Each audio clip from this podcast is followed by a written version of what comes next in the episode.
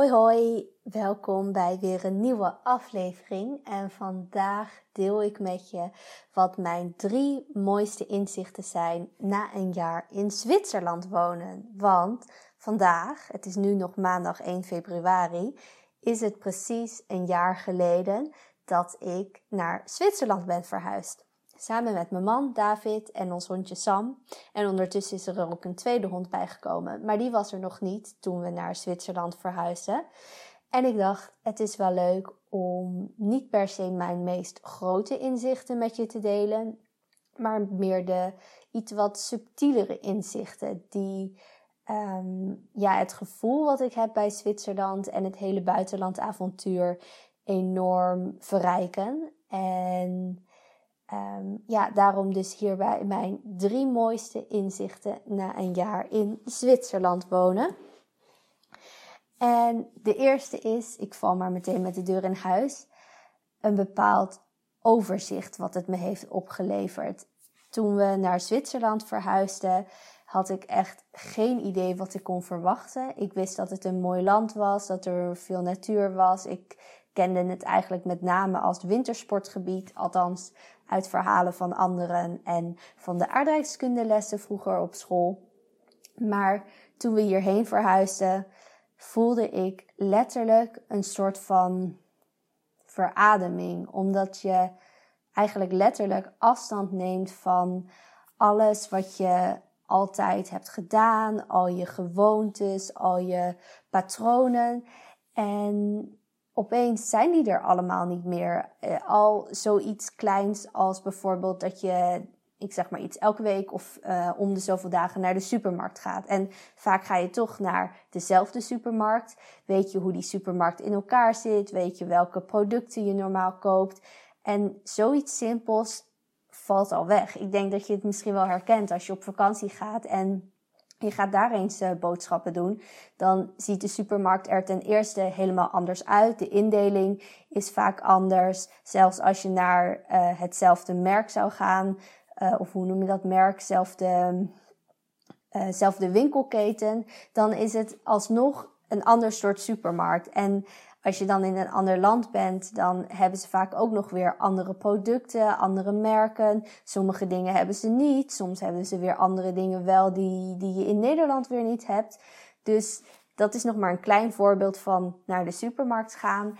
Maar alles is anders. En natuurlijk is er nog heel veel hetzelfde. Ik bedoel, als we naar Japan zouden verhuizen of een land in Afrika of Zuid-Amerika, dan zou de cultuurshock nog honderdduizenden keer groter zijn. Maar toch word je letterlijk even uit alles getrokken wat je, ja, wat je kent, wat normaal voor je is. En dat was wel heel, um, achteraf gezien wel heel fijn. In het begin is het altijd even wennen en aanpassen en soms ook wel vermoeiend. Um, nou ja, heel vaak eigenlijk vermoeiend, omdat alles nieuw is. Um, ook de taal. Um, ik kon wel al een beetje Duits, maar Zwitsers-Duits is echt nog wel anders dan gewoon Duits. Um, als je met het OV gaat, dan moet je dat toch weer uitzoeken. In Nederland wist ik bijna alle OV-tijden uit mijn hoofd. In ieder geval de treinen die, die ik altijd nam. Dan wist ik van, oh ja, die komt altijd om 14 over. En dan komt die elk kwartier. En dan, dan kun je daar gewoon Um, daar hoef je er bijna niet over na te denken en dan neem je gewoon de trein. En hier moet je toch alles de eerste keer weer uitzoeken. En, natuurlijk worden op een gegeven moment ook dingen routine, wordt het normaal. Maar dat eigenlijk alles opeens weer nieuw voor je wordt, was wel heel verfrissend. En um, gaf ook meteen een gevoel alsof alles wat er in Nederland gebeurde, vooral ook corona-wise alsof dat een beetje een verweg van je bedshow was. En natuurlijk, hier is ook corona. Corona is over de hele wereld. Maar wat dat betreft voel ik me toch nog net wat meer verbonden met Nederland. En me ook iets meer een Nederlander dan een Zwitser. Dus dat was op de een of andere manier ook wel rustgevend. Maar het bracht me dus echt veel overzicht. En doordat ik zo kon uitzoomen, ook heel veel kleine inzichtjes, allemaal kleine inzichtjes bij elkaar. En daarom is dit ook samen één mooiste inzicht. En dan als tweede um, vind ik het wel heel mooi om te zien hoe Zwitserse trots zijn op hun natuur. Ze bewonderen het, genieten van de natuur. Ze zijn echt van, ja, echt buitenmensen. Sorry, Sammy zit uh, onder mij uh, op het tapijt te krabben. Maar het zijn dus echt buitenmensen. Ze genieten van de natuur. Ze bewonderen het. En ze zijn er dus ook echt trots op. Ze onderhouden het goed.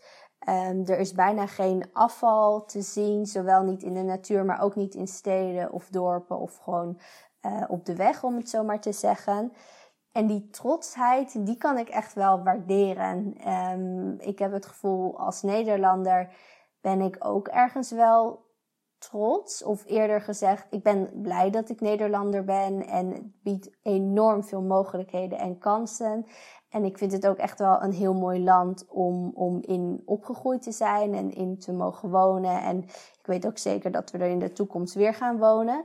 Maar die trotsheid, die zie ik zelf niet heel erg bij Nederlanders. En van mij hoeft het ook niet altijd, maar ik kan het wel enorm waarderen. En uh, vooral die trotsheid ook op de natuur en er goed voor willen zorgen.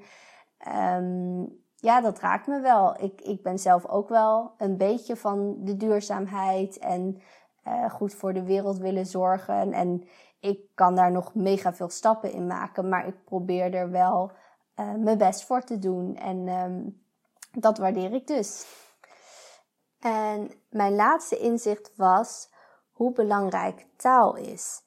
Um, hier spreken ze dus Zwitsers-Duits. Dat is echt dus anders dan gewoon Duits. En niet alleen is taal natuurlijk best wel een groot onderdeel van de cultuur van, van Zwitserland, maar ook uh, bijvoorbeeld de Nederlandse taal van Nederland.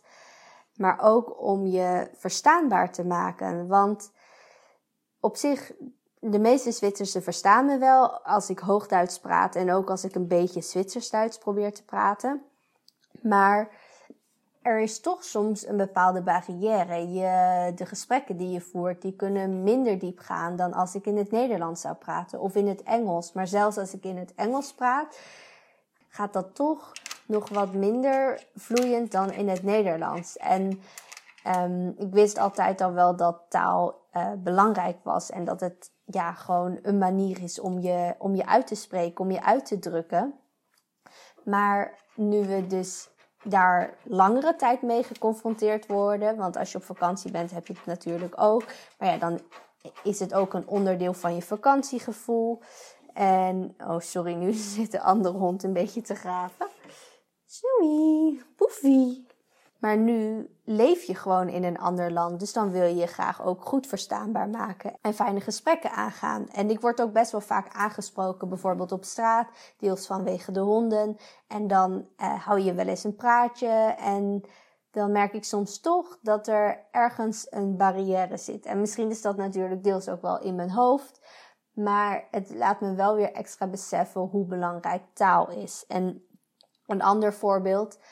Um, als ik in Nederland ben en ik hoor iemand minder goed Nederlands praten, heb ik onbewust vaak toch een bepaald oordeel. Niet van diegene is minder of zo, helemaal niet. Maar um, ja, het zet je vaak toch aan het denken. Dat je dan denkt van, oh, uh, komt diegene uit Nederland of komt die uit een ander land? En bij mij is het vaak dan uh, ook wel deels te zien omdat ik er Chinees uitzie. Alleen dan zijn ze dan wel vaak weer verbaasd dat ik dan uit Nederland kom en niet uit China. En nou ja, soms zeg ik wel eens.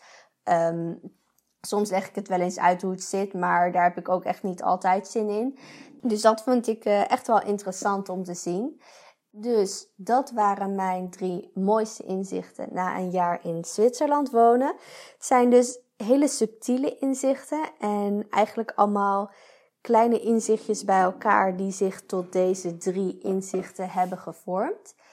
Misschien niet mega eye-openers, maar ik wilde ze toch graag delen omdat dit wel iets is waar ik eigenlijk dagelijks mee te maken heb en me eigenlijk dagelijks weer over verwonder en ook wel heel mooi vind, want soms hoeft het maar iets heel subtiels te zijn wat je tot nadenken zet en uiteindelijk weer misschien tot veel grotere inzichten doet denken, ontdekken of wat dan ook. Dus bij deze, ik heb verder nog geen idee hoe lang we in Zwitserland gaan wonen. We hebben het er wel regelmatig over, maar ja, we zitten hier best wel op ons plek. En we hopen dat de komende tijd er meer mensen ons weer kunnen bezoeken. Als uh, de lockdowns en uh, grenzen en alles weer open zijn. Sowieso is dat natuurlijk fijn voor de wereld. Maar um, dan uh, komen we binnenkort zeker ook wel weer even in Nederland. Ik bedoel, het is helemaal niet zo ver weg. En we hebben ook heel veel zin om bijvoorbeeld een paar keer naar Italië te gaan of zo. Dat uh, lijkt ons ook heel lekker. Zeker een beetje in de lente. Als het dan wat warmer daar is en hier nog wat kouder, dan lijkt het me heerlijk om pizza en pasta daar te eten. En te genieten van het Italiaanse schoon. Want Italië heeft ook heel veel mooie dingen te bieden. En ja, of weer naar, terug naar Nederland gaan of misschien naar een ander land. Geen idee nog. Dus um, ja, dat uh, is weer een, uh, een nieuw avontuur. Voor nu een hele mooie dag, middag, avond of ochtend gewenst. En ik spreek je weer in een volgende podcast. Doei doei! thank you